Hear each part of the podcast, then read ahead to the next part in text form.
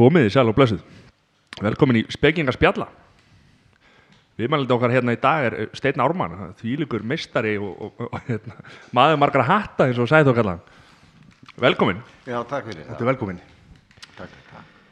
Herrið, það hérna, þarf lítið að kynna þið þekkja, þið flestir held ég, en hérna, segðu okkur svona, kannski ekki að vera rosa djútti, en svona bara stuttlega, þú kemur og hafna fyrir þið, er það ekki? Jú, sko, uh, sem sagt, fóreldrar mín eru bæði austan af fjörðum, borga fyrir eistra og ég átt að fæðast þar en ég var með, sem sagt, rassinn og undan. Þá og eins og í lífinu og, og hérna uh, það voru tæknilegir örlíkar og ég uh, það þurfti að fara með móðu mína allavega suður á landsbítalan og ég fæðist í Reykjavík. Ok. og svo flytja þau sem sagt að austan eftir smá viðkom og eski fyrir í Hafnafjörð þegar ég er svona að verða þryggjára Ok. þryggjára eru bróður fæðist á eigilstöðum og síðan hef ég bara verið í Hafnafjörð eiginlega alveg. Ekkert fluttur honum. Jó, ég var þarna einhverja mánuði í leiklistarskólanum þá fór ég að leia mig sér að dabba sem var náttúrulega ekki orðin sér að þá. Og var þar held ég leigði með honum á framnesveginum þrjá mánuði en þegar hann fór að gangi fötum að mér blessaður Guðsmaðurinn þá fekk ég nú fór aftur einn til mömmu og pappa Jú, og svo þegar við, við kona mér vorum að byrja að búa þá vorum við fyrstu tvö árin í, Reykjavík fyrst niður í bæ á Þínkollstræti það var viðbjóður Já. og svo í hlýðunum eskili, það var bara mjög fínt Ok. En hvað en, en hérna, annars bara hafnar fjörður hvernig er alast upp í Hafnafri? Hvað er hérna?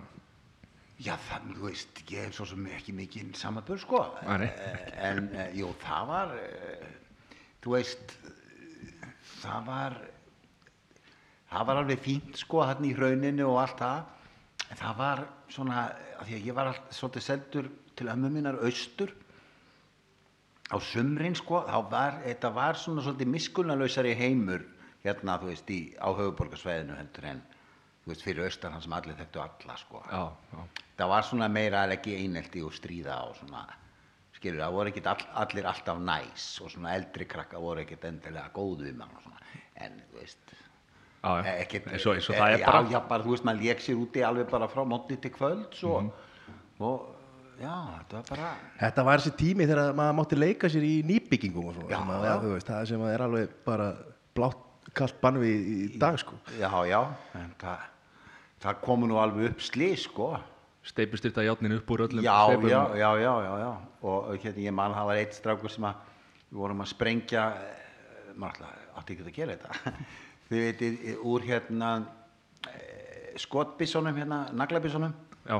sérstaklega þá dag þá voru það voru bara svona patrónur svona púðurpatrónur í og við fórum hérna út í gerðum oft hérna ferðir hérna út í út í hrafnistu sem var verið að byggja hérna rétti það sem ég átti heima. Já. og stálum svona patrónum. Svo vorum við að mölva það sko með því að berja á það með hamli. Hamri sko.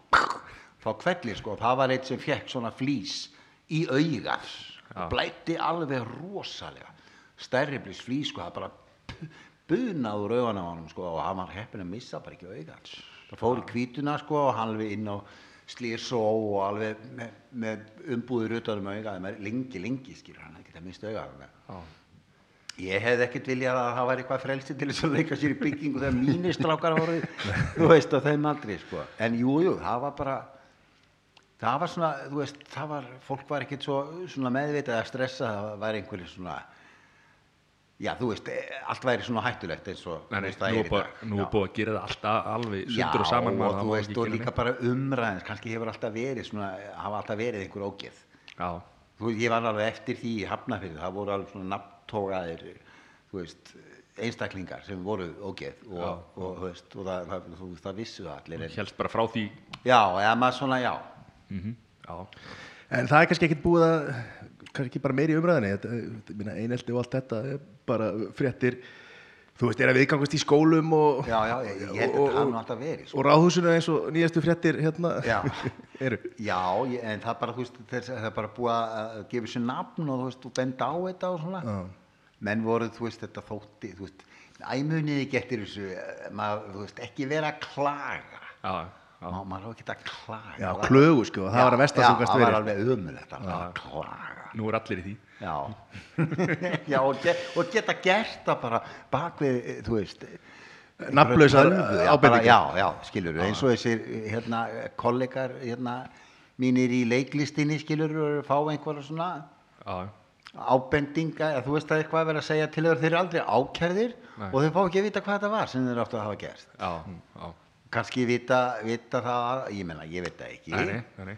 En hérna, þú veist, ég upplifði það alveg, ég fáið skipti sem ég veit í leikhúsónum að það er svona það er mikið verið að klæmast og svona og, og sérstaklega í pagnarleikrættum Já, já, það er mest klæmst. Það er já, En svo, já, þú, þú ert allar þína skólagöngu í já, og í ferði í, fýðistaðskóla já, já. já, og, og Flensborg eða ekki? Og svo fer ég í Flensborg, já. Já, og þú varst nú, hvað, þá fórstu, varst í tónlist Já, eh, sko, eh, já, það byrjar þarna, við vorum í öllum fjandanum, við vorum þarna nokkri vinnir sem að, eh, það var stokkað upp í bekkjakerfinu í, í þarna efri bekkjum grunnskóla og lendum við þarna fjórir, fimm saman í bekk og, og við vorum svona mikið að teikna, við vorum að semja vísur og, og við gerðum þarna til dæmis tvær kvíkmyndir, svona 8 mm myndir. Hvað aldur er þetta? Hvernig byrjaði Þetta er svona, þú veist, eh, við gerum þessar tvær myndir í þarna, um, það sem að hétt þá 8. og 9. bekkur, heitir í dag 9. og 10. Já, já, þetta byrjaði bara þarna Já, þá erum við, og við, með þess að unnum þarna fyrir setni myndina, þá erum við, erum við komin í Flensborg, sem var svolítið spes, sko, að efsti bekkur grunnskóla í Hafnarfyrði var í Flensborg. Það var ekki pláss, sérstaklega ekki í Víðistæðaskóla fyrir Já, ok Þannig að við vorum meira komin í Flensborg á þess að vera í Flensborg. Já, og það var aftur skipt upp í bekkjum og svona ég lendi Steppa Hjöll í, í bekk hérna gítarleikara í Nýdönsk Já. til dæmis og Halli Helga og, og, og fleiri góðum og hérna og það og við svona heldum upp í félagslíminu í skólanum þessi nýjundu bekkur. Við fórum á allt. Maður fór á brittskvöld já, ok og, og voru þið þá að grínast og fýblast og, og svona, þið voru ekkit alveg tónlistamenn Já, sko, þú veist, ekki til að byrja með, sko. Við vorum í öllum fjandanum, við vorum með í, í leikfélaginu og við vorum í, ég var í ræðu, já, við Dabbi vorum báðir í ræðuliðinu. Já. Eh, ég var í málfundafélagið þarna og við, tónlistaklúbnum, bara nefndu það. Svo, sko, við, við, ég og Davíð, og við eiginlega fengum ekkert að vera með í hljómsveit, sko. Við vorum ekki nóg góður að spila á hljóðfæri. Ok, En hérna, þannig að við stofnum bara okkur eigin hljómsveit, við vorum bara aðeinslega auðvitað og spilum alveg rosalega mikið punk, sko. Uh, og að hérna, svo reyndar fór ég nú að æfa mér svolítið og, og var svo tekin inn í káta pilta hana. Já. og þú, þú varst, varst bassafandur eða ekki Já, ég spilaði á bassa. en hva, það er að þarna sem að, að, að, að var það í Flensborg sem að kynnist sér að Davíð eða? Nei, nei, nei, nei, nei, við kynnumst í viðstæðaskóla. Jú, hann er á Hafnarfjörðum líka Uh, hann kemur, flytur í Hafnarfjörðin eitthvað svona nýju ára, nýju tíu ára úr Vesturbæri Reykjavíkur.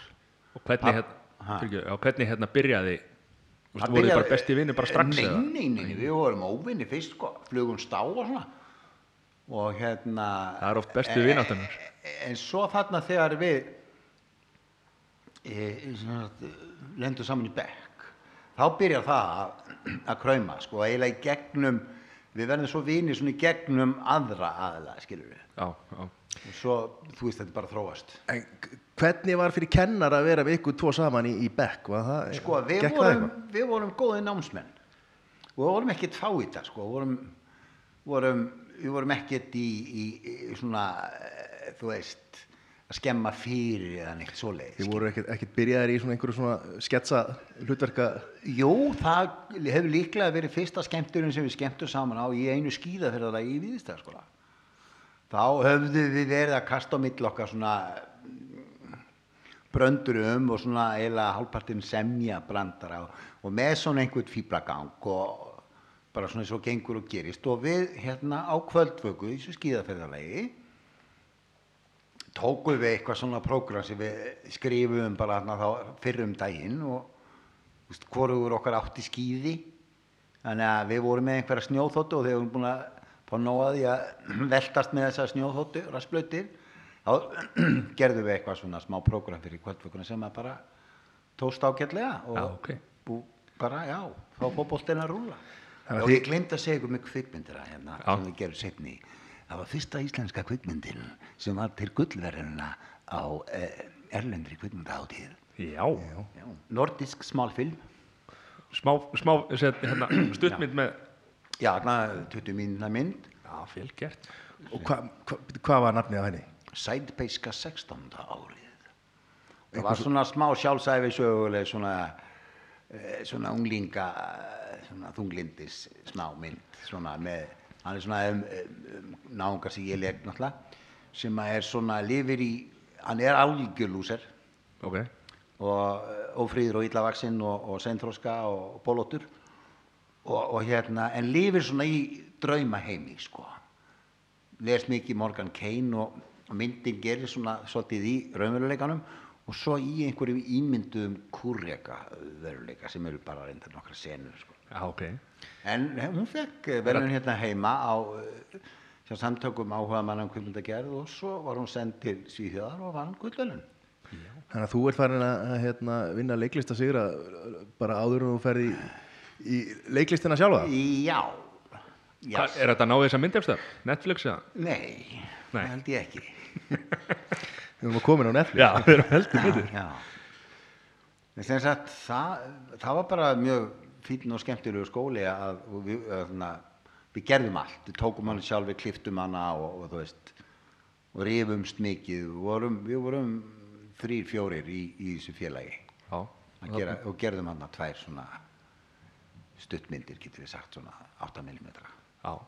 Og það, það var bara í skólanum, bara var, var eitthvað verkefni í skólanum Nei, nei, þetta var bara, við, nei, sjálf- nei, Já, við ok. bara sjálfur maður Og áttuðu myndaðalara eða hvernig var Uh, það? já, Bjarni eh, Sigmundur Einarsson, hann átti myndavél, þess vegna fekk hann að vera með. Já. Hann átti tökuvél og svo tókum við þetta alltaf Fuji, fórum saman upp í Prisma og, og hérna, e, e, yfirleitt, sko, það, það, þú veist, við vorum, við vorum fjórir eða fimm í félaginu sem vorum að gera þessar myndir og þú veist, nú átt þú að kaupa filmu, Já. nú þú. Og það fylgdi með í þessum Fuji hérna, filmum framköllunin.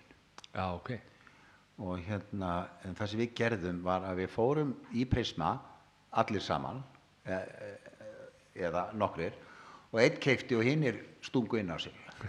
Þeir sem að forðu því, sko. Þetta þjóvatur á þessu. menn þurfti að redda Já, sér við redduðum okkur, sko. Og, hvað, er kviknaði mælinn nú þá, ekki með því að fólk sé að stela sko, en, Nei, en nei. það er svona og kviknaði það áhuga á leiklist svona kannski Nei, ekki þarna? beint, sko. Já, þú veist bara, eh, við höfum, við höfum alveg óbærslan, já, ég, bara mikið áhuga á félagslífinu þannig, þegar maður var komin í finansbólk og maður hefði linga tíma til að læra neitt í skólanum. og félagslífið, sko, svona kendi manni líklega bara miklu meira heldur en að, heldur en það sem maður var að læra á bókina, sko. Maður lærði, já, bara, þú veist, að koma fram og, þú veist, sjáum til dæmis við fengum tónleika, við vorum að fá utangarsmenn og við vorum að fá þeysarana og, og, og, og fleiri hljónsveitir, já, fengum sér að messa á forteginu sinni. Og þú veist, það var að við þurftum að fá lánaðan salin hjá skólanum, við þurftum að þú veist, þessi, sa- eh, þetta var svona hátíðarsalur sem var, var skipt niður með svona þylum í fjóra kennslustofur, við þurftum að, þetta var heilmikil vinna að útbúa svið og, og útbúa salin og selja miða og allt þetta, þannig að maður, sko, maður var alltaf að læra á þetta. Leiklist var bara svona hluti af því, það var svona, jú, við vorum með í, hérna, leiklistafélaginu, eh, bara, þú veist, þegar það var fullt af fólki þar og, og bara, og gaman, sko. það er miklu meira batteri heldur bara að vera hérna. Já, þeir ég var ekki með þarna voru settar upp tvær sýningar sem að voru svona, já, fóru daldi hátt svona með að það að vera mentaskóla sýningar og, og hérna hún setti þær upp á það, hún heitir Inga Bjarnason. Og þeir voru með í fyrir sýningunni Einar, vinni minn og Davíð. Og það var svona algjörður rock söngleikur sem gerist svona kringu svona fótbolta áhangandur hétt Sixackar á ensku mann og ekki hvað hún hétt á íslensku gulldrengirnir eitthvað svo leiðis og næsta vetur þá, þá, þá var ég líka með í, í, og við settum upp leikrit sem heiti Wojciech og ég fekk ansi stórt hlutverk sko.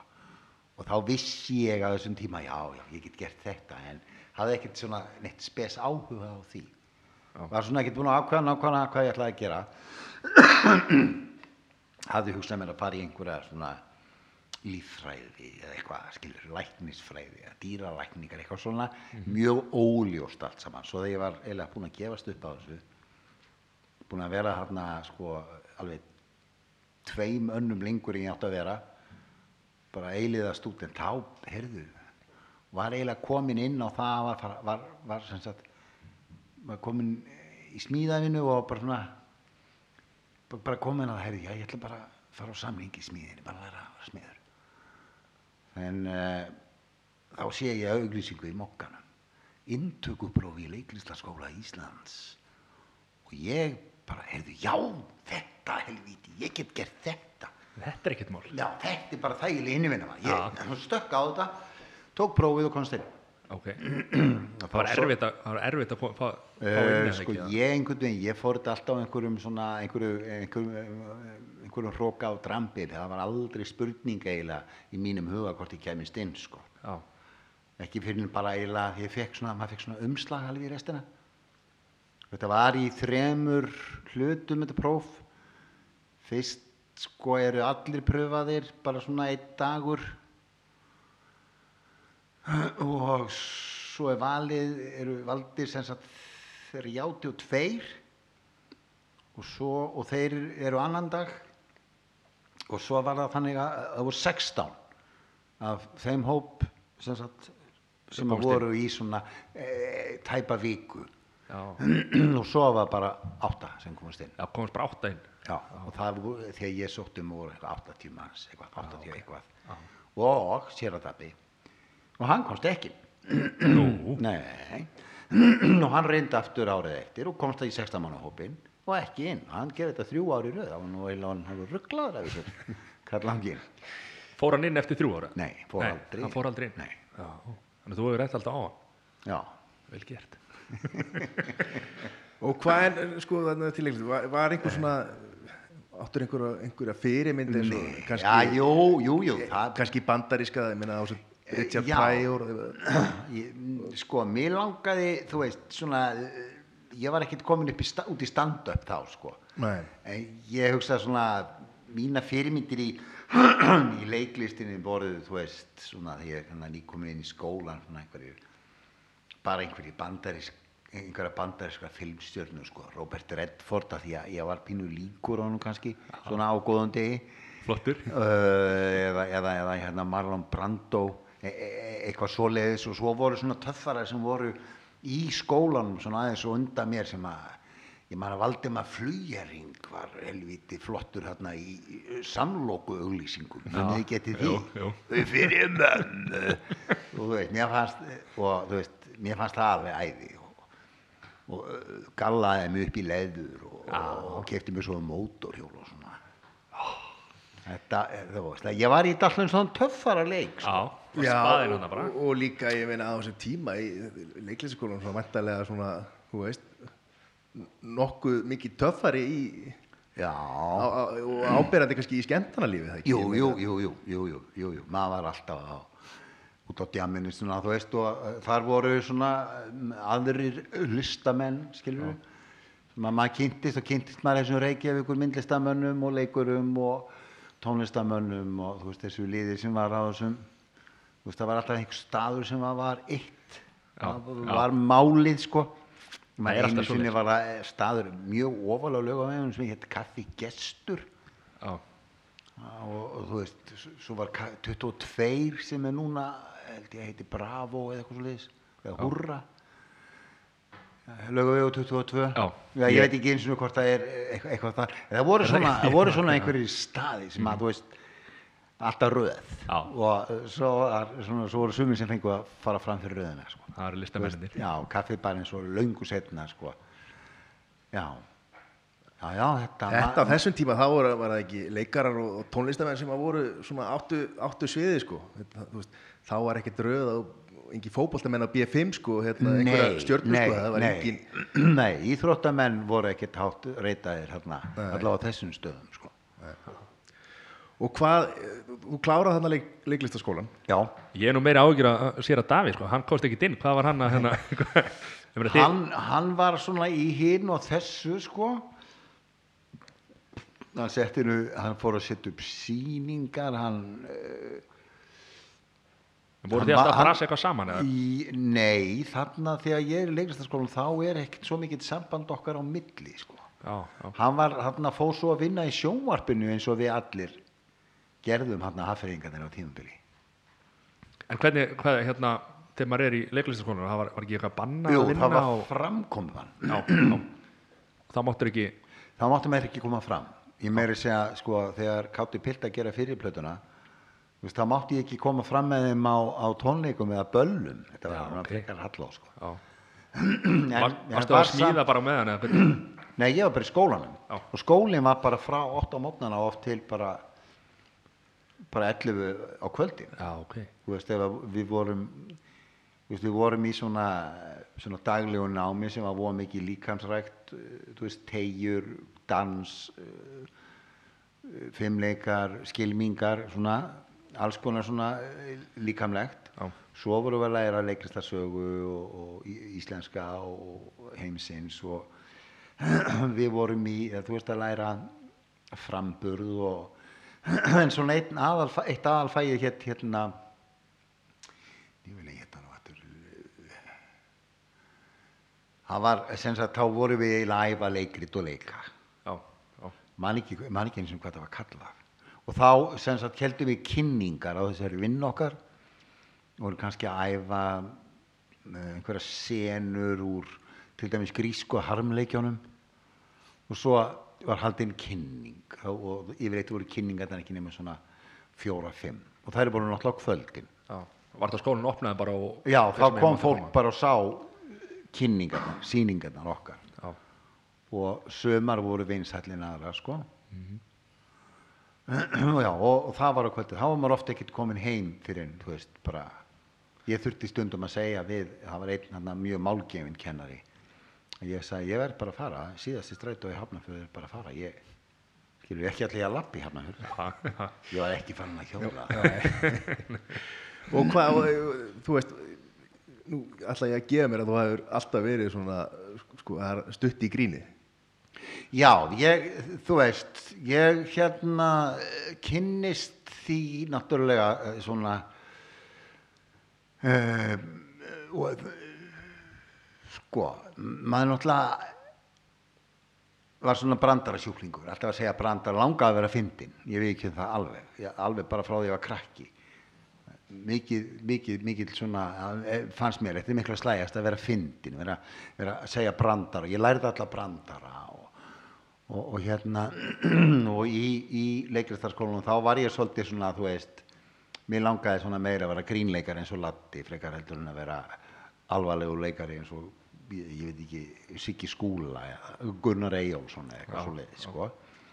Hafði, meiri svona áhuga á því. Og svo fer maður að kynnast dóldi setna svona uppistandi.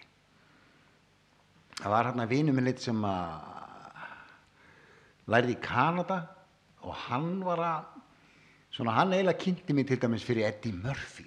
Já, og það var það var alveg bara svona bara uppljómum fyrir mig. Ég bara, vá, það ætti að vera svona svakalega dónalegur maður. Og ég hafði nú reyndar aðeins lært þetta í kaffiskúrunum. Þú veist, í smíðinni sko. Já, það voru að segja söguna sko. Sögustund sko. Ég man eitthvað einum í Hafnafyrði sko. Hann, hann hélt mönnum frá vinnu. Djöfun er það að gera strákar. Hættið að vinna, það er sögustund. Addi Helga, hann alveg Þannig að ég hef alveg upplifað svona í vinnum hjá mér líka, sko. það er bara svona það var bara sögustund sögustund, sko.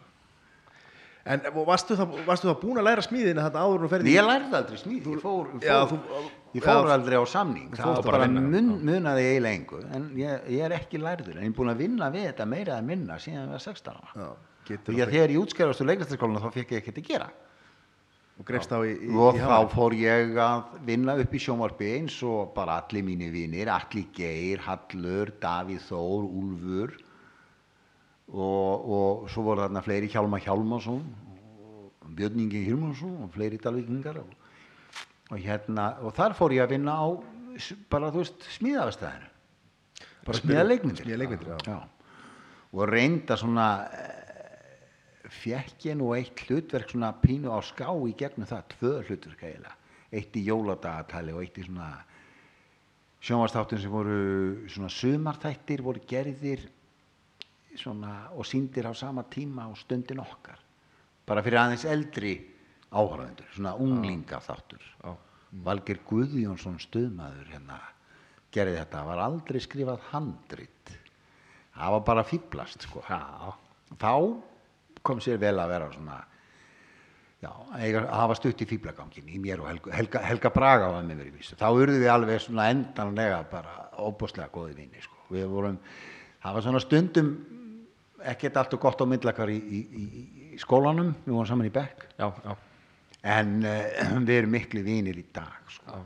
Og höfum unnið mjög mikið saman og Var hún í, hérna, upp í rú bara í leiklistinni, nei, hérna, leiksmíðinni? Nei, hún var bara skemm, sko, við vorum svona tiltölulega nýjútskrifuð og það var, já, hann var að leita, hverjir er hérna ungi leikarar svona, sem geta svona grínast, já, það eru Steinn Ármann og Helga Braga, sko. Ég var til dæmis alltaf látin halda ræður fyrir bekkin minn. Já, ok. Það átti að vera svona sniður ræða og þá, Steini, þú gerir þetta, sko.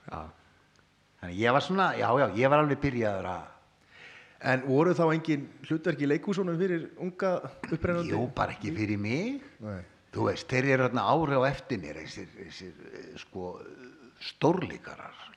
Ingvar Sigursson og Baltasar, Björn Ingi, þeir eru líklega mest ábyrjandi í þeim bekk, Baltasar og Ingvar, já og Hilmar Jóns.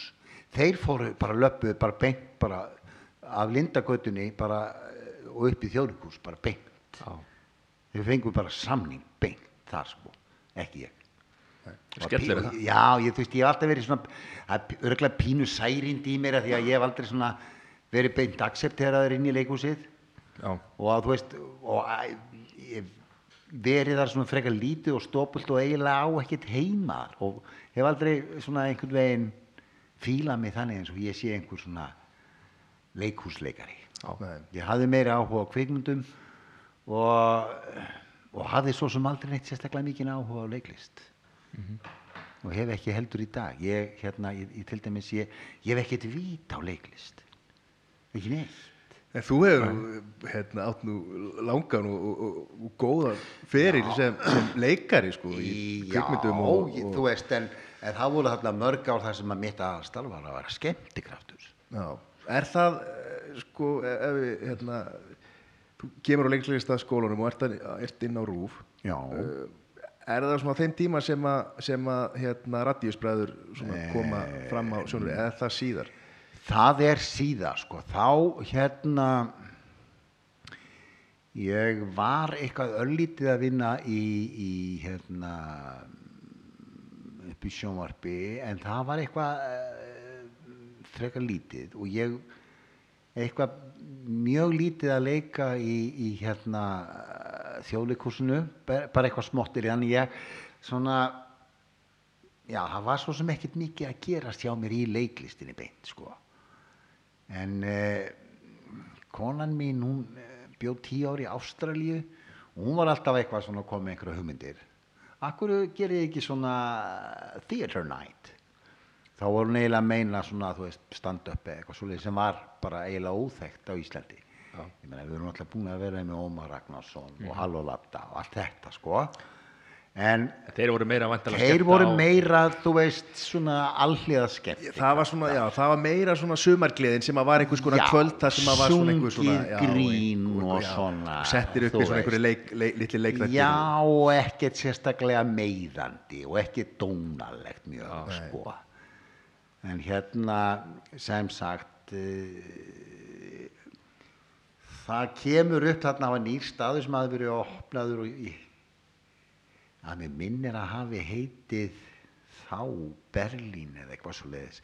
þetta var setna staður sem hétt Astro þetta er hann við hliðina að það er ekki búið að rífa þetta Grill, fyrir, aftan, fyrir fram að grillmarka já, þetta er verið fram að grillmarkaðin já. Ég náði nú að fara að Astro ára brann og, og og hérna skrunaður um að hafa kveikt í honum.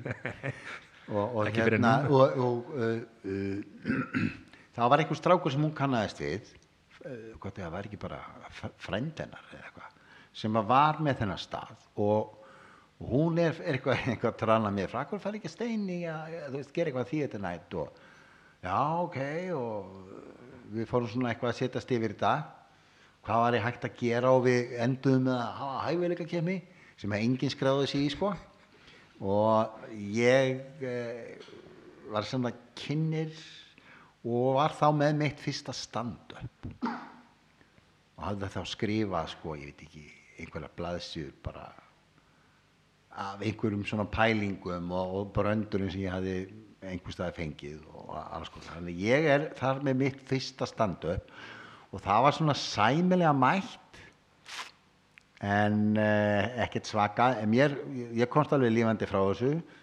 Ég hafi kannski náð að skemmta svona í kortir, 20 mínútur. Næsta skipti gekk miklu betur. Bæði gekk mér miklu betur. Og ég var með lengra prógram. Ég var afslappaðri. Þetta spurðist út. Mjög hratt hann var miklu meira fólki. Og í þriðja skipti þá var staðinu bara smekk fullur og þá var bara rosa fjör þá voru bara allir "Við- þetta er nýjasta nýtnaður, þetta stand-up já, stand-up, já, við erum að sjá þetta stand-up þú veist, og Varst alltaf eitt bara þá var ég bara einn og svo fjórða fimmtudaginn hann í röð þá bara komist færri að en vildu og þá voru einhverju sem vildu segja brandara og þeir komu hann og ég kynnti það á einn af öðrum og svo það er hafa kannski verið tvei, þrýr og svo tók ég bara stand upp í restina og upp úr því þá hérna buðu þeir mér á aðalstöðinni að vera með útvarstátt og hérna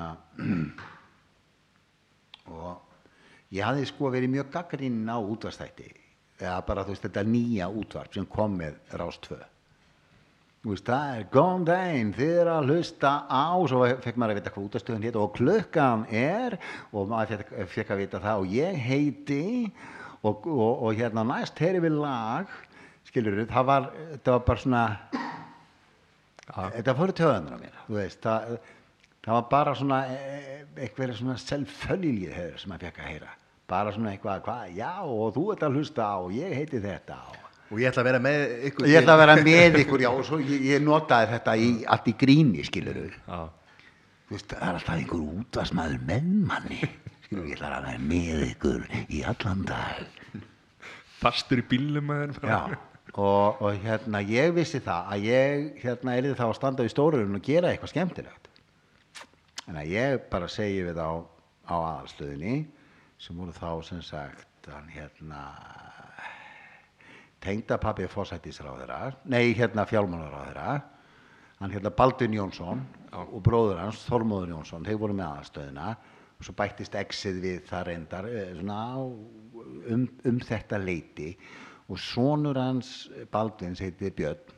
Bjössi Basti kallaði það því hann var í hljónsveit sitt Bleiku Bastarnir. Já, og hann var svona gamall kunningi eh, hérna úr Hafnafyrði og setna Garðabæ. Að hérna ég heimt að hafa sér að daði með mér og, og við leggjum þú veist, niður svona prógram. Þú veist, við ætlum að hafa veist, við- þetta og þetta og við ætlum að hafa svona leikna grínþætti teknaðu upp og köllum það flugur.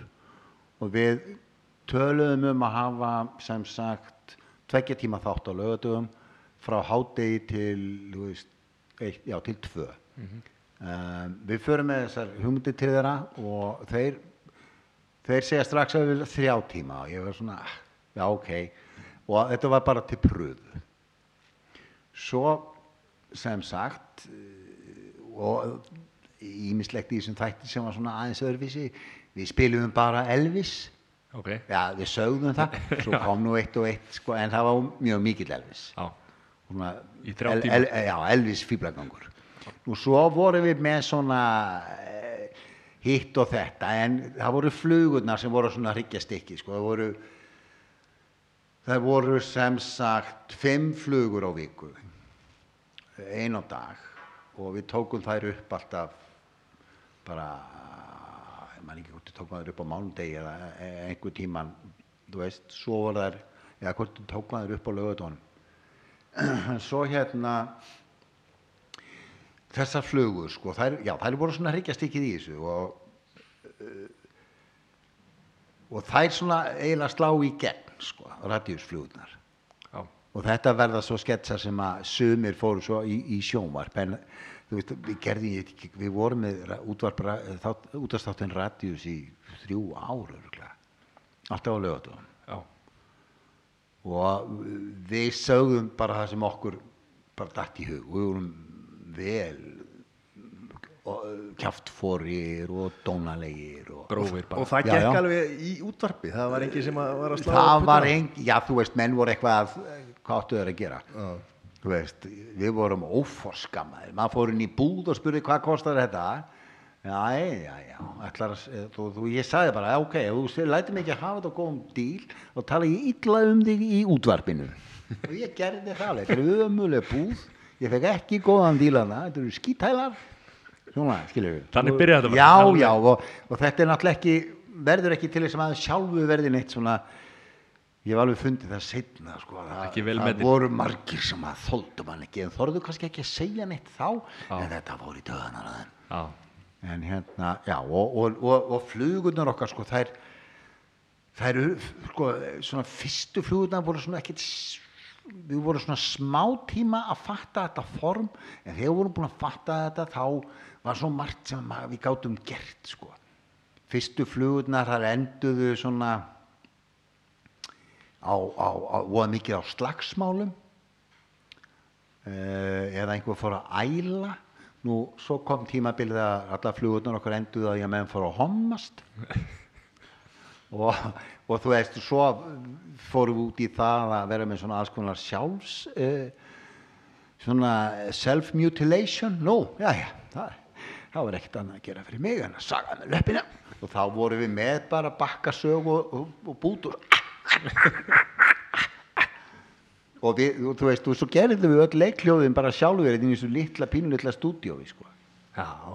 Og þú veist, sko, það, ég man eftir, e, það var til dæmis íbytnaflugan, það er ekta flug eftir Davíð Þór, alveg með, eh, með upphaf, miði og endi, sko, að maður sem kemur nú veitingastað og, og er að reyna að panta sér að borða og, og hérna, til dæmis ætlar að byrja á því að fá sér hambúrgara og ég ætla að fá hérna hambúrgaran, ostbúrgaran, já, já, ok, já, já, og hvað er franskar og já, og eitthvað gos með, já, hann kemur sem sagt í bitinn með frönskum og, og, og, og, salati og, koktelsósu og kók, hvað sagður þau? Hann kemur hérna í, í bitinn, hvað mennur þau? Hann er í bitinn, hvað? Það er búið að býta í hann, já. Akkur, nú annars væri hann ekki í bitinn og þú veist, þetta er allt svona og, og þegar geti ég ekki fengið eitthvað annað en eitthvað í, hérna, í, í biti, jú, jú þú getur til dæmis fengið hérna uh, uh, steikta fiskinn er hann ekkert í biti, nei, nei hvernig kemur hann? Hann kemur með affengnu salati og, ha? Affengnu salati? Ertu búin að fá þér að salatinu? Já. Akkur? Annars var það ekki affengið. Og svona er þetta svona uh, með alla réttina og hann bara segir, ert ekki með neitt hérna? Á þessum ömulega veitingastað sem ekki er búið að býta í eða rækja á eða fá sér af, jú, hvað er það? Það er steinastekin. Ha? Steinastekin? Er það svona steinasteik? Já. Þá var það mjög í tísku, þá var kaffi ópera upp á sitt besta að fá steinasteik. Fegst einhvern alveg rauðglómandi stein og svo snéru steikinni bara á, þá til hún var eins og þú vildir hana. Svo ástana þessum steini, minni mig en sem sagt ok, hann er alveg bara ekki búið að fá sér af nú, ekkert steinast ekki neitt. Og þá kemur, af hverju ekki? Þú veist, hann er næstu búin að panta, af hverju ert ekki búin að gera neitt við steinasteikina þá kemur pensi ég þekkti Þorstein mjög vel. Veist, þe- þetta er svona örli rættíðsfluga en svo, svo var einn sko, það var svona, það var svolítið rættíðsfluga sem var breyktur sko. það var, byggt daldi á sönnum atbyrðum Já, það var einn aðna haffyringur sem var að leita sér að íbúð og annar haffyringur vinnur okkar hafði svona, vissi að því og hérna svaraði einhverju auglýsingu smá, smá blöðunum. Varst þú að leita þér að íbúð? Og hann þóttist vera með íbúð og besta stað sko. En við sketsin gerist þess að í íbúðinni á besta stað með söður svölum 100 fermetra íbúð, allt nýtt skilur nýtt baðherbergi og svo er nýtt parkett og nýjinn rétting og allt nýtt og hitt í gólfunum og suðursvalir og, já, og hinn bara svona, já, já, já, ég vil gefna þessu. Og hvað, hvað ætlaður að fá fyrir hana? 10.000 krónur.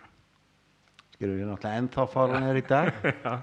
Og þetta sem sagt, já, já, hann bara já, hann bara, já, já, já, ég ætla að fá sig íbúð, já svo fekk gamla að telja upp já, svo er ég nú já, ég er nú orðin gammal og á erfitt með að þrýfa mig og svona. Hann, já, já, kona mín er í hún er í, í hjúkurnafræðin á mig, já, já, hún er ekkert mál. Og hann, svo bætist alltaf í pakkan, sko, það sem hann þarf að gera sko. og hérna svo verð ég nú einmanna einmanna á nóttunni og þú veist, hann er búin að pimpa kærustuna og svo alveg í restina sko, þá, þá erum við eiginlega búin að finna þennan radjústón svo ert þú nú ekki dómyndalöfu sjálfur. Kistu mig. Nei, oi, oi, oi. Þá vorum við eiginlega búin að finna okkar flöt sko, okkar tón. Þarna sprakk þetta. e, já, þá fórum við að gera þessar e, flugur og, og við áttuðum okkur á því að það var fullt af fólki að hlusta á þetta. Nei. Og fólk tók þetta upp á kassettur í svo langt síðan. Og, og já, og, og við þurftum hérna þeir á aðalstöðinni þeir uh, sem sagt fengu alltaf einhverja kostendur til að kosta dagssvona Já. og okkar uh, fyrstu kostendur minni mig að hafi alla fyrstu aðröðinni voru þarna skemmtist að þessi hétt tveir vinir og annar í fríi. Þarna undir restina var mjög ég ekki bara að rífa þetta þetta var á frakkastignum þetta hérna rétt fyrir niðan lögvegin og í seinast var hann til dæmis Obladi munið þetta í því? Já, já, já, og einhver karaoke bar falið við hliðina. Og uh, þeir hengtuðu uh, af því að þeir sem sagt kostuðu þátt inn í, í bóði tveir vinnir og einni frí eitthvað að við kæmum og værum með radíus kvöld sko. Og við höfum svo sem ekkert verið að verið að spá í því. Veist, ég hafði svona, svona, fengið þennan þátt að ég hafði verið með stand up þannig að menn svona vissu það. En varstu þá ekkert að uh, skemmta, ja, kannski Jú. þú veist, veislustýra og, og Nei, einhver svona, það var mjög lítið Þekktist það kannski ekki þessum Jú, jú, en eh, já, kannski ekki beint þessi veistlu stjórn Ek- ekki svona er í dag kannski. En nei, en það voru alveg eh, menn í því, sko, spöggstofan pínu og, en það var ekki eins algengt og í dag. En þessi uppistandskvöld, voru þau bara... Já, þú þau tókst bara, þau... Þú, heyrðu, það bara komust færri að en vildu. Helstu þeim áfram að meðan voru með þáttinn í Uh, útvarpinu? já, svo heldu við þeim alltaf áfram sem radíuskvöldum, eins og það voru kölluð. Og við vorum mjög vittlausir að mörgu leiti. Við sömdum alltaf nýtt prógram fyrir nýtt radíuskvöld. Í staðan fyrir að gera þetta eins og tvíhauði gerði þetta mörgum árum setna þá bara fóru þeir í leikhús fóru með þarna eh, Jón inn í lofkastaran og gerðu bara sýningur sem hétt ég var einu sinni nörd.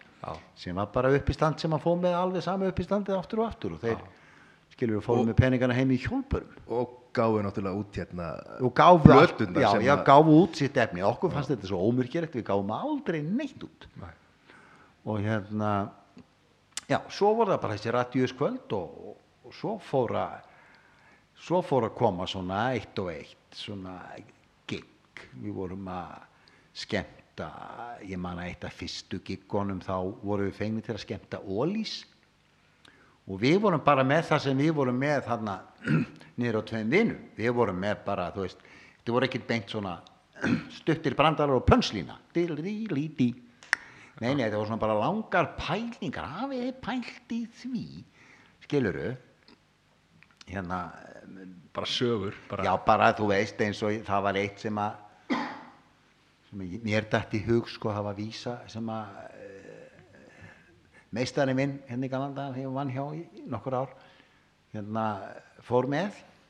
Halldóra með hlussuna, hún er mikil kona, þeir á sér tussuna til að mynda svona. Og við fórum að svona, pæli í því að þetta hefði verið svona þjóðar íþrótt í gamla dag, tussutegingar á mannamótum í, fámenninu þá höfum við fengið hana rannveigu til að koma hérna og tekja það eins á beint, hérna í, fél, hérna í félagsheimilinu. Bara beinta eftir bóndaglímur já, já. Þú veist, og það við, ætlum að hafa hérna á hafið yngar kvöldunum svo kemur hún rannveig og te- gera það eins og segir tussuna og þó, svo voru það að gera svona svo fór ég lengra með þetta. Og það búið til dýrmiðinni svona, hvaða dýr er þetta? Og þú veist svona vefja upp á hann og svo svona eitthvað. En þetta gekk ekki í starfsmenn Ólís sem að- já, í við, við mættum, þetta var hérna salur veistlusalur upp á höfðar sem heit Ártún eða eitthvað svo leiðis Já. og við mætum hérna klukkan eh, tíu eða hálf tíu. Eitthvað svo leiðis eða níu, ég man það ekki. Og herðu, þetta er aðeins hérna, Rósa Ingóls var veislustjóri. Já. það aðeins byð hérna settist ekki bara niður og fáið ykkur bjór? Jú. Svo byðuðu hann einn og halvan tíma allavega og þömbuðum bjór. Svo fyrir við upp á svið með einhverja tussutegingar og, og sem svona, til að byrja með sem betur fyrir þá tók enginn eftir okkur. Það var ekkit sérstaklega góð lýsing á sviðinu og ekkit góður hljómburður. Já. en jú, svo tók eitthvað fólk eftir því að heyrðu þeir reyna að vera finnir, hverjir eru þetta?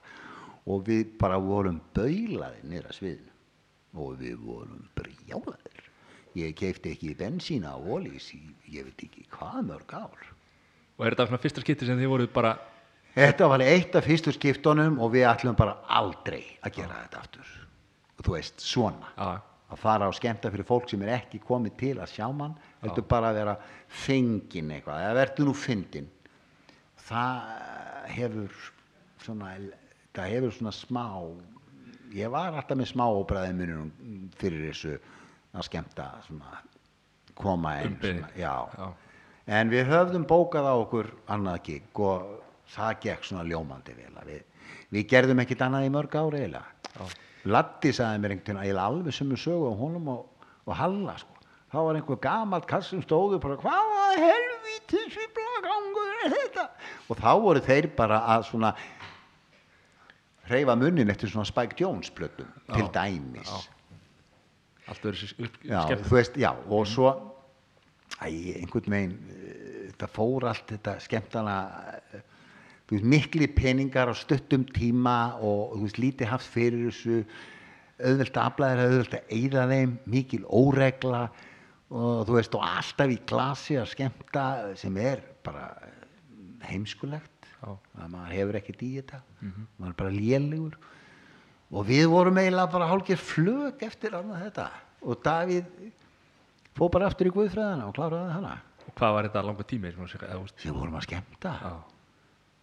þetta hefur verið alveg frá árinu byrjað sjálfsagt svona 90 og 93 kannski. Svona á, á fullu. Og alveg bara til 2000 og eitthvað þá voru reynda farin að svona gera þetta bara í sikværu lægi Já, já.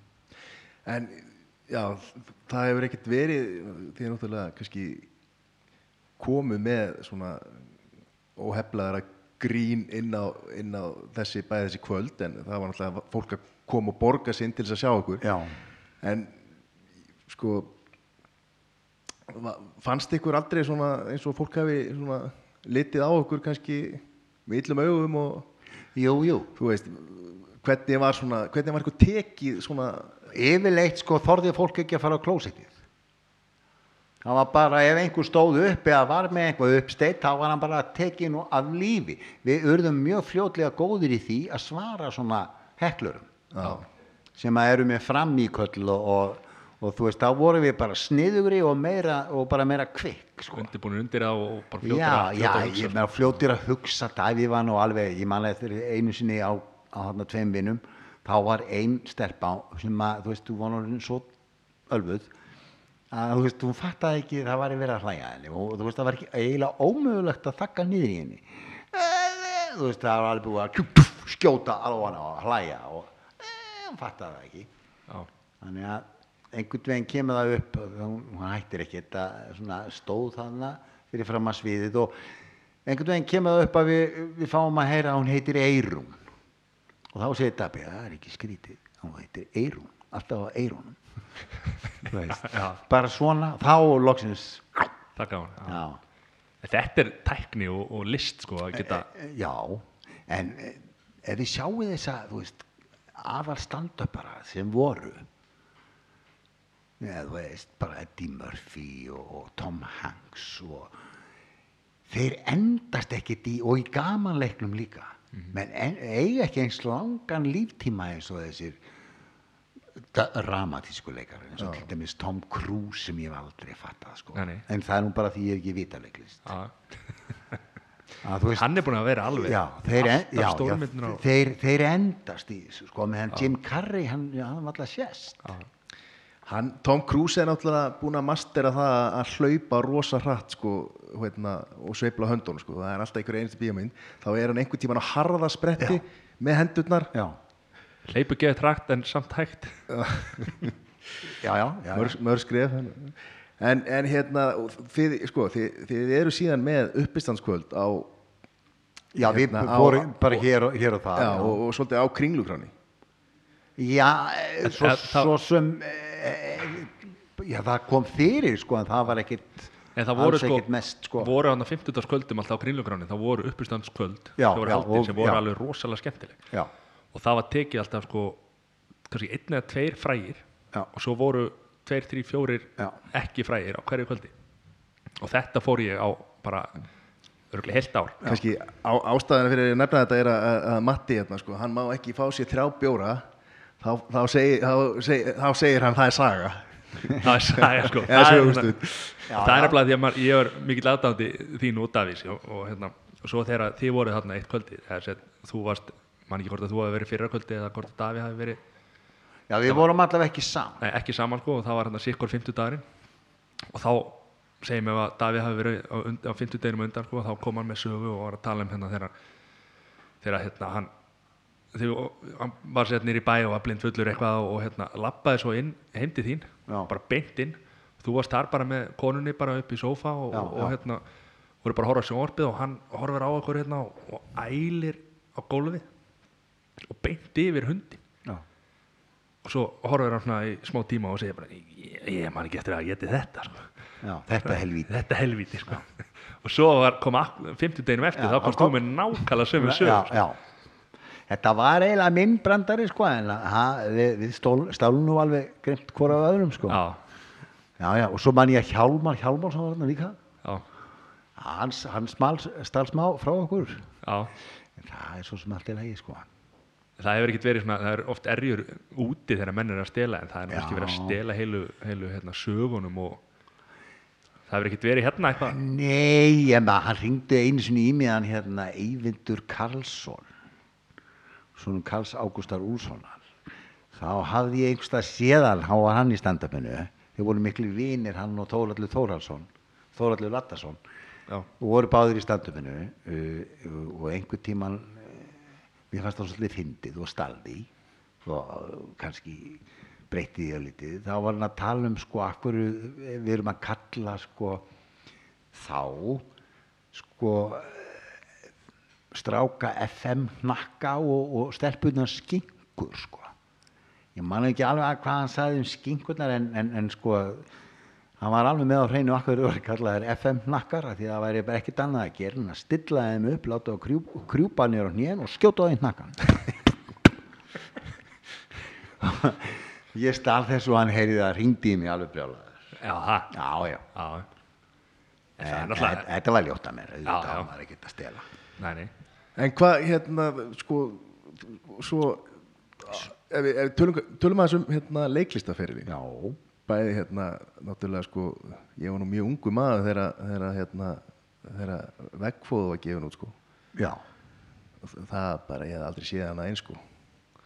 Og já hérna, það var eh, sko, þá var ég að vinna í sjónvarpinu bara og, og veist, sá svo sem var ekkert að fara að gera í leikhús eða neitt, sko, þá og við segir ekkert hvað mér átt að finnast um þessa stráka Eh, eh, Jonna Sigmas og, og, og Júla Kemp sko. en ég las hann einhverja senur sem hann fyrir þetta leist bara ágætlega á þetta. Og svo voru þið búin að fá balt í þetta líka og hann að yngu ég bara já já, sagði bara já, ég átti ekki vona á þetta er eitt eða neitt sko eiginlega svo var þetta bara ein vinsalasta íslenska mynd sem hefur verið gerð sko. Og ég hef átt svona eh, svona eitt og eitt svona moment í leiklistinni þú veist eins og veggfóður. Ég kom mjög vel frá þeirri mynd. Þú veist ég var svona já ég veit ekki allavega e, sko eiginlega hægt að segja að það séu tvö aðalhutverk Sveppi og Lass þó að Lass sé svona skrifaðu sem aðal, aðal persónan sko þá er hinn, hinn svolítið, svolítið mikill faktor í myndinni karakterinn minn sko Já. ég gætt ég gætt hérna e, þetta var algjört sko low budget meirandi það er, voru engi peninga til búningarnir sem ég var í voru eiginlega allt fött af sjálfum mér Já, ok. En, já og uh, og uh, já ég, ég kom við þú veist, fekk mikla aðtigli og, og svona en, en þú veist svo gerist ekkert meira Já. en Baltasar, hann fekk mikla aðtigli líka og, og hann fór í, þú veist, að gera fleiri bíómyndir og, og þú veist, leika meir í leikusinu og, og þetta bara, hann tók alveg flugið þarna upp úr þessu, en ég var bara eiginlega þarna á sama stað. Já. Svo hafa komið svona ja, mjög minnisverði karakter sem ég tekið ekki um tíðina, eins og Kötturinn Keli, Já, já. Siggi Sæti í, í Latabæ, Já. eh, Robby Húsvörður það hefur verið svona einn og einn sko daldið stór Já, já. Meni, þú ert stórleikari, sko. Eh, það er já, bara svona. já, já, já þó ég hafi nú svona, jú ég mann, það var eitt hlutverk sem ég leik í leikhúsi sem að ég vandaði mig mjög mikið við og kannski hægt að segja að það svona eitt af fáum hlutverkum í leikhúsi sem að ég hef leikið aðal hlutverk það var svolítið eh, mögnuð sýning sem hétt Kvetch sem er einhver jiddíska á því kvíði. Já. og þetta er leikrit eftir snarbrjálaðan mann sem heitir Stephen Berkhoff hann hefur yfirleitt verið látið leika svona illmenni hann, hann var einhver svona rústneskur hershöðingi í Rambo 3 minni mig, já. fyrir enn 2 og hérna eh, ég var aðaluturkið og þessi síning alveg bara eh, byrjaði voða smátt í Vesturporti pínulitlu leikusíðina vestur í bæ fór svo yfir í borgarleikusíð og síningar verður miklu miklu fleiri heldur en áætla var. Og sýningin fekk uh, öll hann grímuvelunin sem hann nýbyrjaði að veita þá. Já. það var hérna besta sýningin besti leikstjórin besti leikar í auka hlutverki besta leikoni aða hlutverki svo var eitthvað meira, eiginlega allir fengu velun fyrir þetta fyrir þessa sýningu nema ég. Já, ok. það er svolítið story of my life. Og þú veist bara ekkert um leiklist eins og, eins og og þú veit ekkert um leiklist. Og fatt ekkert af Ég skellur þetta. já, þetta er bara svona svona í lífið með þér Já. En hvað áttu einhvern eh, áttu Ég- einhvern uppáhalds hlutverk kannski sem að þú eh, eða svona uppáhalds karakter sem að þú hefur ég, nei, eiginlega ekki sko Mér langar svolítið að komast inn á hann að lata, hvernig var að taka þátt í þessu?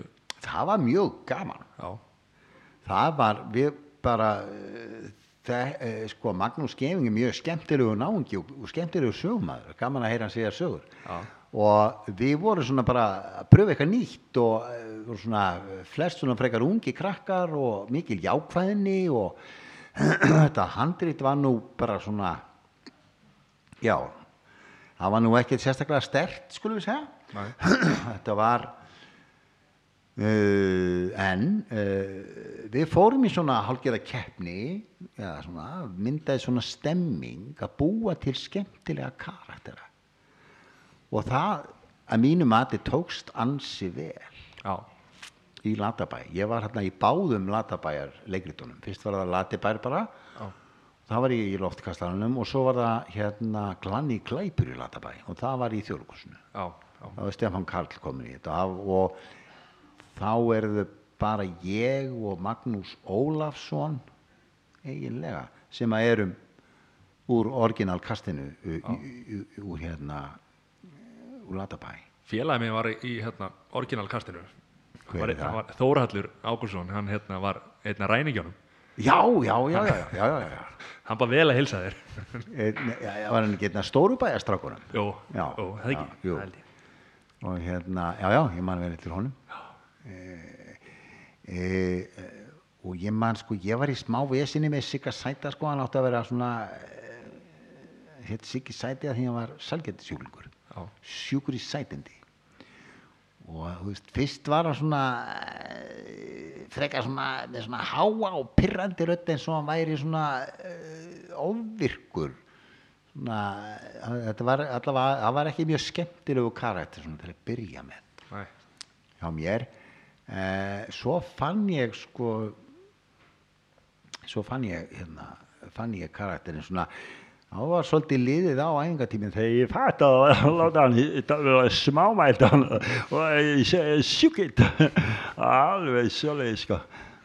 Og ég hef, svol- ég sko. hef notað sigga hérna, í fýblagang og það hefur til dæmis það er eitt, eitt sem að sko það er á mikið. Ef ég er að nota sigga skilur við, ég er kannski að skemmta þú veist, langt sín í bríða og svona og, og, og áhörundur frekar ungir og þau hefur kannski séð sigga sæta þetta þú veist, svo fyrir siggi sæta klæmast og svona. Já, og það, það er bara finnst fólki á mikið sko. það Sko, er bara eins og jólasveitin fara að klæma. Það er bara á mikið. En, en, en sko, fyrst að hún nefnir þetta, þá, eitt, ég held að hann hafi verið hérna í skaupinu þegar að hérna þegar að Keli fór að klæmast Já, já. við, var ekki, það var í jú, skaupinu jú, kötturinn deli. Það, uh, já, ég er náttúrulega, á, tímabili var ég bara líku við í, í hverju einasta veist, þá var ég bara með, veist, hann er grínleikari, hann er í skaupinu. Og þetta skaup tók Örn Átnason að sér að, hann tók að sér að leikstýra því, en ætlaði nú að leika líka svolítið mikið í því sjálfur, þannig að hann náði ekki að leikstýra því og leika þannig að hann fekk Sigga Sigurjóns eiginlega til að leikstýra því, Já. svona með sér. Og þar er þarna þessi skets með e, þú veist, Ástaf og Keli. Og, og sketsin var svona ekki vel skrifað. Þetta var, hann var bara svona eitthvað haltu kæft í eittu skít skets. Þú veist, þau voru þarna í stundinu okkar og og hérna, og hérna köttir engi deli og Ástaf og þá var bara haltu kæft í eittu skít eitthvað svona. Já, já.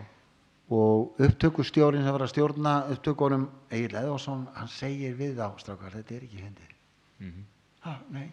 Siggi kemur til mér og segir Steini hvað er að gera? Þetta er ekki hendir ég segi það bara er augljóst. Það bara gapir bara, það er bara starir á mann. Við notum náttúrulega þú veist þetta er uh, þessa kynferðislugu spennu milli kattarins og, og, og, og þáttastjórnandans. Já. Já, ok, þannig að ég eiginlega breytti sketsinum í þetta sem að varð. Já, ok. Og, svo, og þá er mín hugmynd að ég myndi standa upp og rífa að með dukkuna og rjúka á dyr þú veist, búin að vera henni til barðinu með allt það sko. Alveg geðvig og þannig að ég, ég á þann skets alveg. Og þetta er bara minn eftirminnlegasti og, og uppáhald skets úr þessum hérna, skaupi, ég get ekki sem sagt að skets úr síðast skaupi sko, en en þetta man ég alltaf sko. Þetta alveg hitti mark, hann var bara stuttur hnitt með aður og þetta var bara og komst hitt í mark. þarna, ég var ungur sko, ég komst á því að Keli var ekki var ekki alveg köttur sko. Svo náttúrulega Svo náttúrulega notar þetta í hérna þegar þú varst hérna fyndarsmaður Íslands Nei, ég vann það aldrei Þú varst, þú ég varst var, keppið í ég var, nei, það var hann eh, Sveinn? Sveinn Vóge heitir maður Já.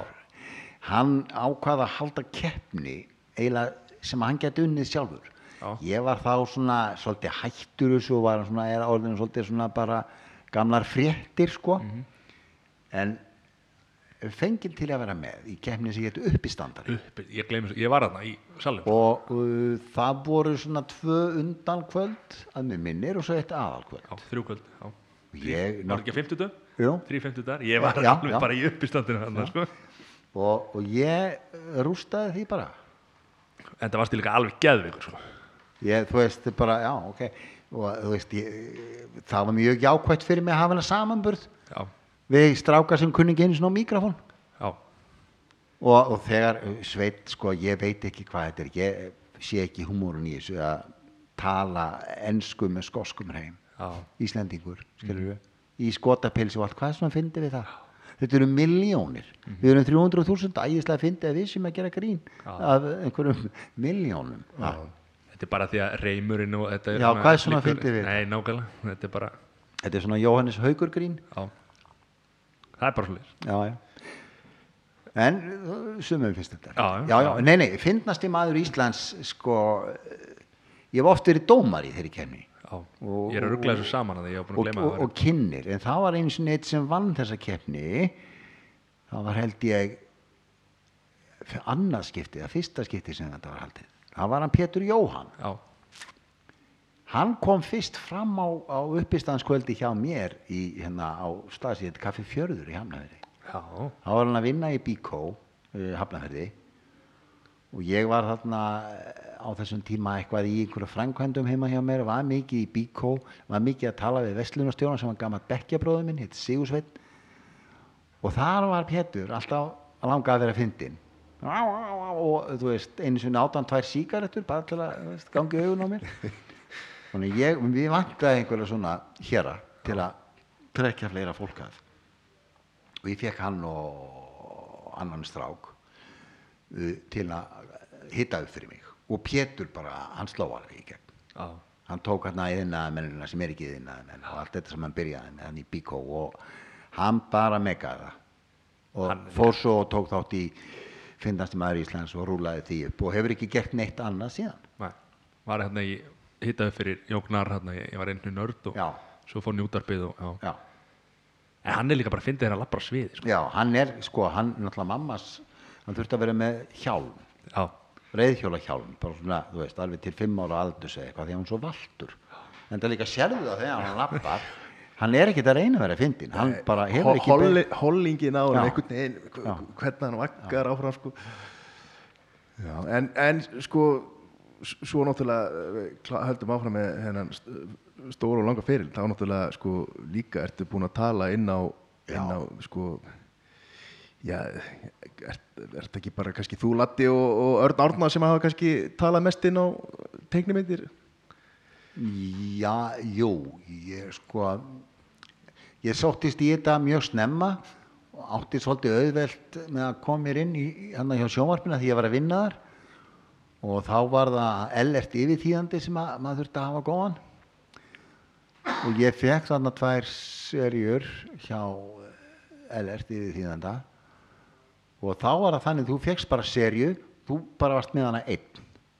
Bara þú last allar rættirnar og ég var mjög vandvirkur fekk videospólu með mér heim Vaff S og horfði á þetta í drep skipti karakterunum niður þannig ég þurfti ekki að vera að tala mikið við sjálfa mig svona beint. Já, og, og þú veist mertið á alla með ákveðnum lit og, og þá bara týðkaðast það að maður gerir deitt sko. þetta er svaka vinna maður. menn voru mis, menn vönduðu sér mismikið við þetta sko. Það voru sumir sem að voru stoppuðu helst aldrei en svo, svo gleymdu þeir, þú veist, þessi talaði svona. Svo verður alltaf yfirfann að tala svona til smá, tí, smá tíma. Og svo ef hann held áfram að reyfa munnin eftir að hann uh, leikarinn var hættu þá bara kom já, já, hvað segirðu Alfreð? Ha, ha, já, já, ha, ha, hæ, hæ, já, ha, ha, ha, já, já, já, já svona? Já. En þú ert, ert en ég er, ég er ennþá að lesa inn á teiknumyndir Já, ég hérna er bara að fá, fá fæ alltaf þetta, nú eignaðist ég bat fyrir hérna, ung batn og þannig að ég er aftur byrjar að horfa á batna sko. Eignaðistu ungt á, já, ung batn þannig að ég alveg er að hérna og fæ alveg bara flashback aftur í tíma sko. já, já ég lesi bara mjög mikið En nú áttu margar rættir, hefur, hefur verið í einhverjum eftirhörmum með og svolítið, eða ertu í pínulítið, ég myndi nú ekki segja að ég væri einhver svona príma eftir herma en já nokkra sem að ég næ mjög vel en það er yfirleitt ekkert mjög þekktir eh, menn sko. En ég get alveg og að maður getur eiginlega alveg tekið svona þessa svona, já, maður er þá meira að herma eftir einhverjum að herma eftir. Já, fáum þig einhvern mann já, já, ég, ég, ég, já, já, ég hef hérna ágætis rödd, sko. já virkilega góða sko Og, en ég er alveg að, þú veist, ég hef alveg fengið, sko, eh, til dæmis eins og með Disney eða DreamWorks, þá, eh, ef að hlutverkið er svona meira en bara pínlítið, þá þarf að pröfa. já, og það er að senda rattpröfur út og þeir þurfa að samþykja það sko. og ég fann að fá í hausinn sko, no, he's too old. Er það? Já.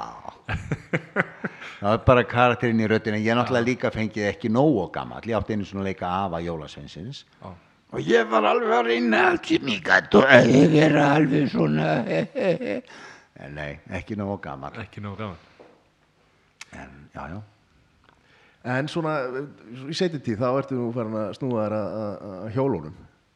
Já, ég hef svona sko, ég fekk svolítið reyðhjóla dellu þarna þegar við Helga Braga vorum að gera svo unglingaþætti.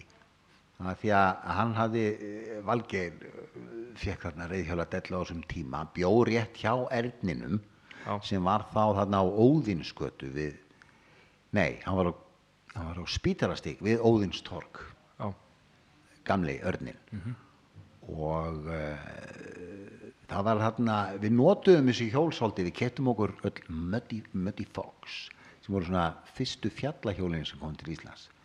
26 tómu, 21 skýra það var rosalegt veistla maður var aldrei síðan að eins sko. og vorum svolítið á þessum hjólum í þáttunum og ég fór að hjóla þá bara svona fyrsta skipti fór ég að hjóla á, á milli. Ég var að vinna líka í sjónvarpinu ég var að gerast það hætti og líka að vinna á leikmyndadeild en ég fór að hjóla í úr vinnu Reykjavík Hafnafjörður og setti þá á þeim tíma met sem að eiginlega stendur enn sko. Korter frá sjónvarpshúsinu á bæjamörkunum í Hafnafjörði já, ok. Og ég hjólaði þú veist bara á götunni bara með bílum já, og alltaf ég verið á rauðu og, og ekki til fyrirmyndar. Og, og þetta, vantilega áður en að þessi, hérna, þessi fancy fínu, Já. hérna, reyserhjól, Já, þarna á þessum tíma þá bara eh, voru 26 tómi fjallahjól bara í mörg, mörg ár. Eina sem að menn fengur sér líka við. Svo kemur það sko svo var þessu hjóli stólið einhver tíman og, og svona á, áhuginn datt niður. Svo var það ekki fyrir en að eh, löngu setja kona mín kaupi sér nýtt hjól í erninum, trekk. Að þá fór ég og, og keipti mér þá hafði ég verið ekki átt hjóli í einhver tvö ár kaupið með Gary Fisher 26 tómum fjallahjól. Og þá svona kom dellan aftur svo fekk ég mér annan Gary Fisher þegar við vorum að gera við vorum einmitt að gera sjónvastætti þá sem hétu Svartir Englar. Og þá má ég segja að það var svona hýbridhjóla þá hafi og það fylgdu því sem sagt kom með smellupettunum já, þá fór ég að vera í, í svona smellu skóm og smeltur í petalana og þá má ég að segja að dellan hafi svona byrjað að grassera í mér. Og svo hérna hjólaði ég átti þarna þessi tvö hjól og annað var svona vetrarhjól og hitt svona í, svona í betra veðri og fór þá að hjóla svona meirið að minna allt sem ég fór. Svo þegar hérna ég þegar ég var 50 þá fekk ég reysir í, í eða svona, já það sem að kalla reysir á, á Íslandi streetbike á ennsku og rennrat á þýsku. Að þá má ég segja að við bara komum með delluna bara alveg á háast í háu stíi svo, þú veist, þannig að ég byrja að vinna í erninu þá. Þá er þetta búið. þá, er þetta bara búið sko. og hjólar mest allt bara? Já, mest allt. Þetta er eins og ok, ég var að leika í ófærð og reyndar ekki búinn enn. Uh, þó að ég sína hana núna í nóvember. Að hérna þú veist, ég hjóla það sem er skinsanlegt uh, við vorum mikið að taka síðasta vetur uh, uh, í stúdíónu nýja hana í gömlu ábúrðaversmiðunni eða þar. Gráinum hana, já. Já. Uh, og þangað hjólaði ég úr Hafnafyrði um vetur skilur ég get alveg reikna með að veist, ég tók mér átt einn og hálfan tími í það. Já, ok.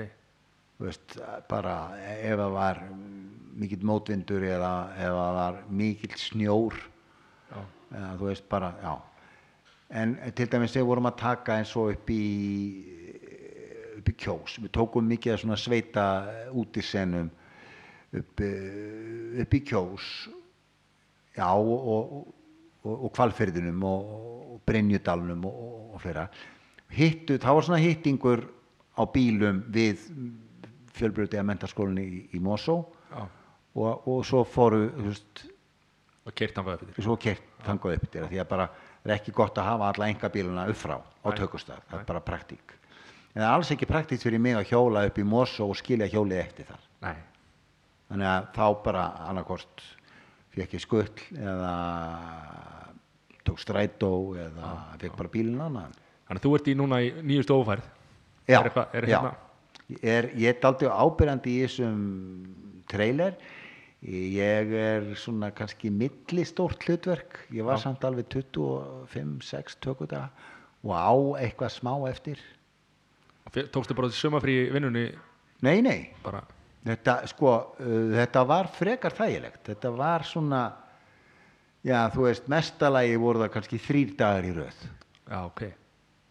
En yfirleitt var það, þú veist, dagur þú veist, kannski tveir dagar svo frí í tvo daga og, þannig að ég, ég var alltaf að vinna svona með því og alveg í fullu svona fullu samþykki sko. Frábært að vinna þarna já, þetta er, þetta er mjög bara fínt og líka að vera langsins bara í fastri vinnu. Þú veist, ég finna að það sem ég hef vantað svo lengi svona bara að regla. Þú veist, mæta bara í vinnuna og svo bara búinn að vinna. Svo bara frí á kvöldin og um helgar og svona. Þú veist, þetta hérna það fór illa með mig þetta, þetta vera svona lausráðin svona að vera hér og þar og allstaðar Þetta jójó sem að fylgir þessu Já, og skemmtana veit ekki hvað maður, hvað maður með tekjur, get ekki skipulagt eitt eða neitt, skiluru, svona, þetta er aldrei slítandi og leðilegt.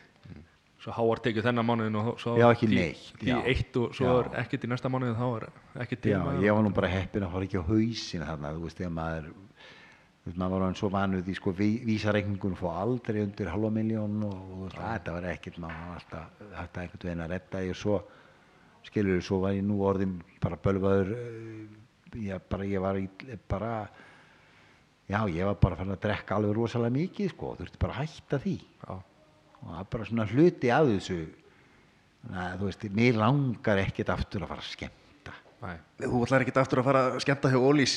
Nei, mér langar það ekki. nei en ef þú kemur uppistanskvöld úr svona myndur Ég, vei, ég veit það En hvað finnst þér þá ef við tölum um hvað, hvað finnst þér um þess að svona nú, nýja senu sem að hafa, hefur verið að hérna, reyða sér til rúm síðustu fimm, kannski aðeins lengra árin svona þessi Sko. uppistans og svo hérna þessi spunakvöld svona hvað, þú sem brautriðandi í Já, bransanum mér fannst sko svona, það nú kannski ekki alveg, alveg, alveg það sami í dag. Mér fannst svona eins og ég væri bara að svona, þú veist, væri bara að upplifa já, maður, eins og maður væri komin einhver ár aftur í tíman skilur það var svona orðið allt svona voða meinlaust og sungið grín og, og þú veist, og eftirhermur og, og Þú ert ekki af því? Nei, þú veist, við vorum að breyta þessu. Við vorum að, þú veist, við vorum ekki með punchline við, veist, vorum ekki með svona hnikkin í endan við vorum ekkert að reyna að vera svona vinir allra og vorum ekkert að syngja grínið okkar.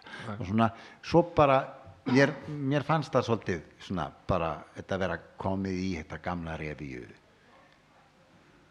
form sem að hafði verið í áðurna við, við komum. Og svolítið svona eins og við hefðum eiginlega ekki breytt það miklu sko. Vantar svona rattísbræði núna til að koma og krytti upp í þessu Já, það hefur allavega enginn farið nákvæmlega þessa leið sem við fórum að vera svona, þú veist, svona bara dálítið ruttaleg, sko. Ég man, Eddie Murphy var svona og, og hérna svo var einn sem hétt eh, Andrew Dice Clay, hann var nú rosalegur. Og, og, og það var svona einn og einn sem við svona vildum svona, eh, já, svona litum pínu upp til og vorum svona svona vildum gera þetta þannig en mér finnst þetta eins og þú veist ég hef séð niður Ísland og mér finnst þetta svona frekar meinlaus húmor. Já, það eru ekkert að breyta þjóðfélaginu eða Þið- veist, þið- þið- þarna þessi sem er alltaf að tala um ömmu sína ég er búin að sjá hann okkur sinnum hann er alltaf að tala um ömmu sína. Og hver er það þurr? en þú veist, þá, ég, ég var ekki alveg að ná því sko. Það já ég tengdi það alveg, finnst það bara ekkert fyndið og kannski me, menn svona komnir í þetta sem að sem að þykja voða, voða þægilegt að gera grína sjálfur sér. Segja, þú veist og, og, eins og þið voru að breyta þessu og, þið voru ekki, ekki til þess að þóknast fólki sko, þið voru voru svolítið að taka eiginlega bara nýja líka ykkur við svona kannski einhverja hljómsveit sem að er að þú veist, brautriðandi í, í sinni tónleik sko. E, já, já, já Bái kannski, þetta er bái. Eða pönkarar bara eh, já, en við vorum svo sem svolítið að geta upp það sem við höfum séð í útlöndum við fengum einu sinni, að ég fekk einu sinni mér áskotnaðist bara kassetta með áströlskum grínista sem heitir Rodney Rood þið getið örglega fundið hann á netinu í dag sko. og, og hann var svona við læriðum ansi mikið af honum hann var svona vel eh, dónalegur og, og hló mikið að sjálfum sér sem að er daldi vand með farið en hann og með þennan rosalega ástralska hreim og kallaði áhörfundur sína alltaf sko trendsetters eða þið veitir hvað það þýðir það svona, Já. þýðist nú illa sko það er að svona, sá sem býr til eitthvað flott og nýtt trend Já. get I trend cities og hann kom hann með eitt brandara sem við stálum og gerðum bara elvíti vinsælan sko. Það er maður á þeim árum sko þá var eitt sem við lendum daldið í á dabbi. Já reyndar aðeins áður. Svona áður en við kynntum skorunum okkar. Þá var sem sagt uh, húð og kyn. Það var, það var í, í árdaga þá þurfti maður að fara þangað. Og þetta var svona og jável nafni manns var kallað upp og svona skilur þetta var svona Vandræðalegt. menn voru rauðir í framann hann og skömmuðu sína á húð og kynnsjútumandeldinni sko. Og, og hérna og brandarinn gekk út og það ég var á húð og kynmaður og ég hitti alla þessa sko eins og hann gerir þetta var hann að hitta alls konar fræga tónlistamenn aðalega Já. en við vorum að hitta svona íslenska tónlistamenn og veist, ég hafi ekki hitt Steppa Hilmars maður, ég sagði hvað, Steppi Hilmars, þú hér, hvað er að gerast? Ég þekki konu sem kemur á óvart. Og svona gáttu við, þú veist, fundið einhverja frasa úr dægulögu með alveg, þú veist, með alla þessa íslensku poppara, sko. Og þetta bara virkaði mjög vel. Og vera að skjóta alla niður hana. Já, já, já, já, já. Og þú veist, svo kom man ég einu sinni trend sem við gátum notað og, og bara gerði það ennþá dónalega sko. Það var svona, allir krakkarnir er að horfa á kirkjuna að brenna nema Hermann, það er verið að Hermann.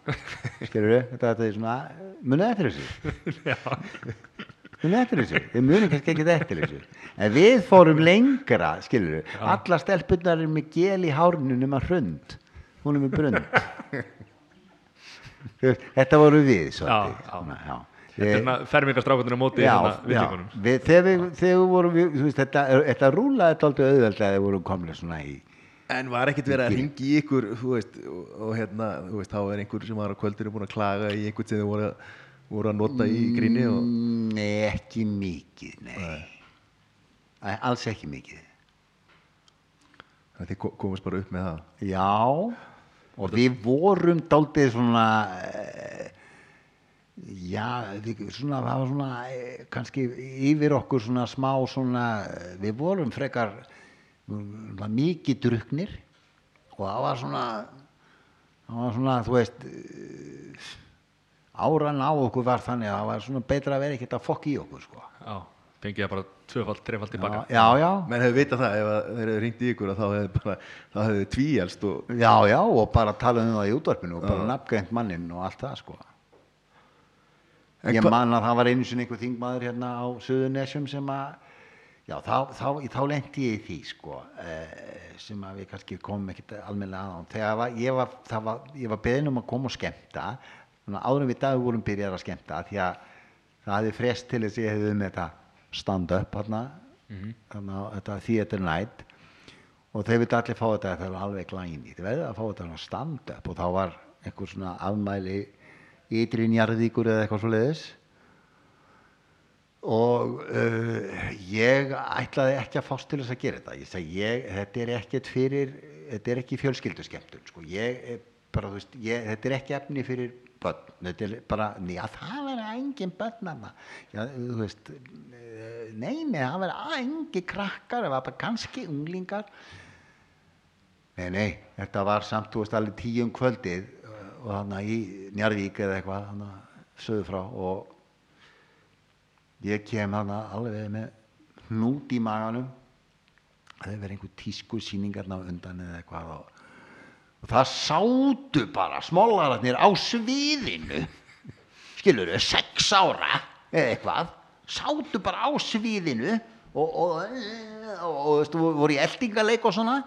Og ég er svona eh, ég kunni ekkert nema einhverja svæstna dónalega brandara skilur þau einhverja tussutegingar. Og ég bara uh, var hann eins og bara eins og fiskur á þurru landi bara gafti hérna smá stund og svitnaði og engi hlóað með fólk bara horfði hvað er í gangi með þennan maður? Og svo bara forhertist ég og rutti upp um mér viðbjóðunum á þess að reyna einu svona að vera fyndin Já, það var einu svona maður og það var ógeðslegur og veist, þetta var bara þannig. Það búið að segja við að það væri ekki fyndi- bönnan já, já, Já, en svo ringdi hann í mig þessi hérna pólitíkus og sjálfstæðismæður Kristján eitthvað og ég, hann, hafði búið sem undir einhver svaka átök við mig og ég, ég þú veist, var alveg miður mín yfir þessu heila og ég segi bara, ok, ég rukka ekki neitt. Og hann bara, ha, ég rukka ekki neitt, þú mátt eiga þetta. En svo reynda fekk ég fóringjan, já, hann bauðst í þess fóringin minnum Hallur Helgason að hann skildi bara rukka þetta. Og hann fór í málið og rukka þetta Já. og fekk þetta borgað. Gegn því að hann fekk helmingin já, já. En við gerðum skets úr þessu. Já, Já, já, í já, hann var alveg, hann var, hann var bara næstu því nafngreindur, það var aðeins öðru þessi, föðunafni eða eitthvað. Hann fekk alveg að heyra. Að heyra það. Er svoleiðis Já, en hérna, þú, það er bara framtíðin hérna, þú ætlar að leika eitthvað áfram og vonandi hérna, sko, allan ég, ófærðu þú veist, ef þetta, ef þetta er svona sæmilega spennandi, þá, já, akkur ekki. Já, En, en, en ég er ekkert að fara að hætti í dagvinninni, sko. næ, Er útséð með að radíusbræður komi aftur? Já, við, að, við erum búin að reyna nokkur comeback. já, og það verður aldrei virkað. Við erum bara, sko við erum bara orðin og gamlir í þetta.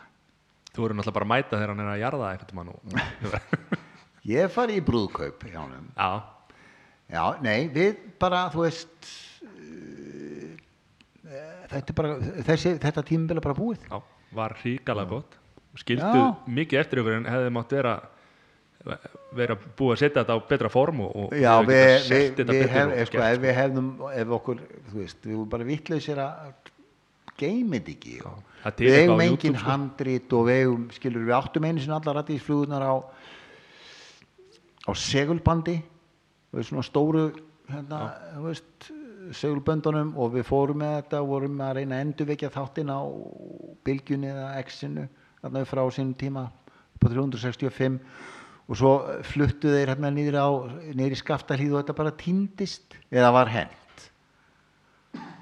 Ég held að við séum ekkert svona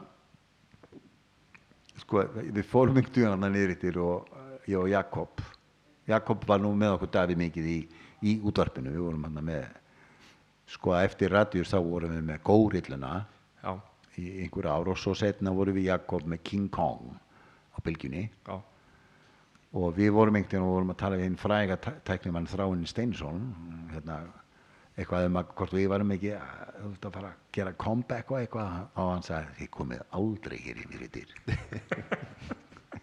hreinskilin Já, við, við vorum ekki vinsælir hjá jakkafötunum það Nei, nei. Enda út úr kassanum aðeins og, og já, hérna. já, þetta er bara já, já. Alls konar nefndir eins og einhver fjölmiðla nefnd og eitthvað sem myndi bara þvælast fyrir sko. Í dag? Í, dag, í dag sko. já, þó, já. Þetta er bara þetta er, þetta er bara komið gott, mér langaði pínlítið í útvarpi, ég var að leysa eins af að rást tvö þannig uh, luta úr tveim, eh, já, úr sumri. Mótinni gunnudís Já, og ég hefði bara gaman að því en ja, var ekkert mikill áhuga því held ég. ég ég sótti alveg um og svona reyndi að komast í það en nei, þú ert að betri stað núna það finnst mér? Já, bara heldur áfram að leika og, og hérna. Já, svona, þú veist, hef það svona sem hobby. Ég segi að það er markað, þú verður bara að skella þér í guðfræðina á hempu og nú, nú það er ný kynslu hérna presta og kirkjanar reyna alltaf að vera- að vera hipp og cool og ég meina eins og Davíð er búin að sína að, hérna, að prestar geta nú líka haft skoðanir og, og, og kannski svona eins og hann alltaf gert fyrir, kannski út fyrir kassan Já. og svo bara verður þið tveir bara og jarðið og fermið og giftið og, Já, ja. eða ekki. Herra, hefur ekki að segja þetta gott bara Já og, þetta er bara, ekki bara. bara takk kjalla fyrir að Já, að koma Já, á takk fyrir komuna. Takk fyrir að hafa mig og, fyrsti gestur og, og, og við vildum endilega fá þig sem gesta því að ok, okkur finnst þú frábær og, ættir að vera að leika miklu, miklu, miklu það er svo Já, það, já, já, það er bara þetta er bara þannig. Ég, veistu hvað ég held? Ég er svo liður það held ég ekki ég, sko, þú veist, svona, ég er ekkert svona góður að vera með öðrum leikurum og segja svona, fyndið skemmtilegt. Þú þú veist, einu sinni langaði mig til að gera uh, nýttið, æ, akkur datt mér þetta ekki í svo, þú veist svo, þú veist, að ég var svona skemmtikraftur og ég er alveg svona bara fann að bauna á það og skjóta á það niður. Hvað er að þér maður, er það að segja hann svona við hana? Nei, fyrir ekki. Og, og þú veist, núna bara I don't care. Já. en ef þú myndir nota röddina á Sigga Sæta þá er þetta alltaf myndið Herri, takk kjalla fyrir okkur. Já, takk. Takk